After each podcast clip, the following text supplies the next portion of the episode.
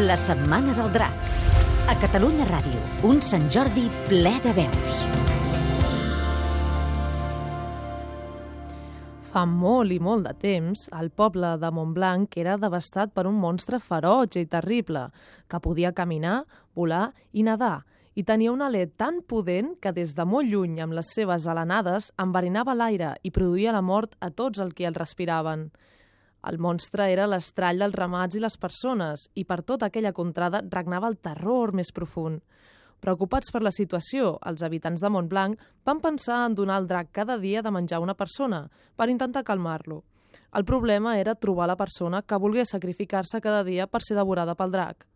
I així fou com, després d'una llarga discussió, els vilatans van decidir sortejar cada dia qui seria la persona que aniria a parar l'estómac del drac. I així ho feren. I sembla ser que la jugada els va sortir bé. L'abominable bèstia se'n deuria sentir satisfeta, perquè deixar de fer estralls i malifetes per aquelles terres. Però heus aquí que un dia la sort feu que li toqués ser devorada a la filla del rei. La jove princesa era molt simpàtica, amable, bonica i elegant. Tenia el cor de tots els ciutadans robats i per aquest motiu centenars s'oferiren per substituir-la. Però el rei, afligit i adolorit, fou just i saber. La seva filla era com qualsevol altra. Si li havia tocat, hi havia d'anar.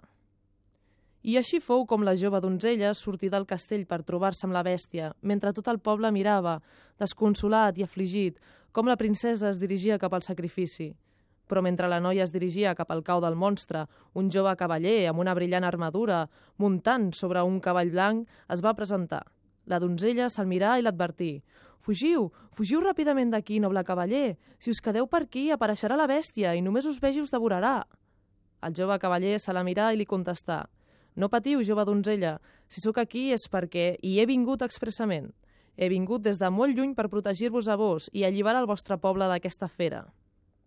No va tenir temps ni de dir això, que de cop i volta va sortir la fera, davant l'horror de la princesa i el goig del cavaller. Va començar una intensa però breu lluita, fins que el cavaller li va clavar una bona estocada amb la seva llança, que va deixar malferida a la terrible bèstia i la va matar. De la sang que embrullà en sorgí ràpidament un roser, amb les roses més vermelles que la princesa hagués vist mai. Roser del que el jove cavaller entalla una rosa i li oferia a la princesa.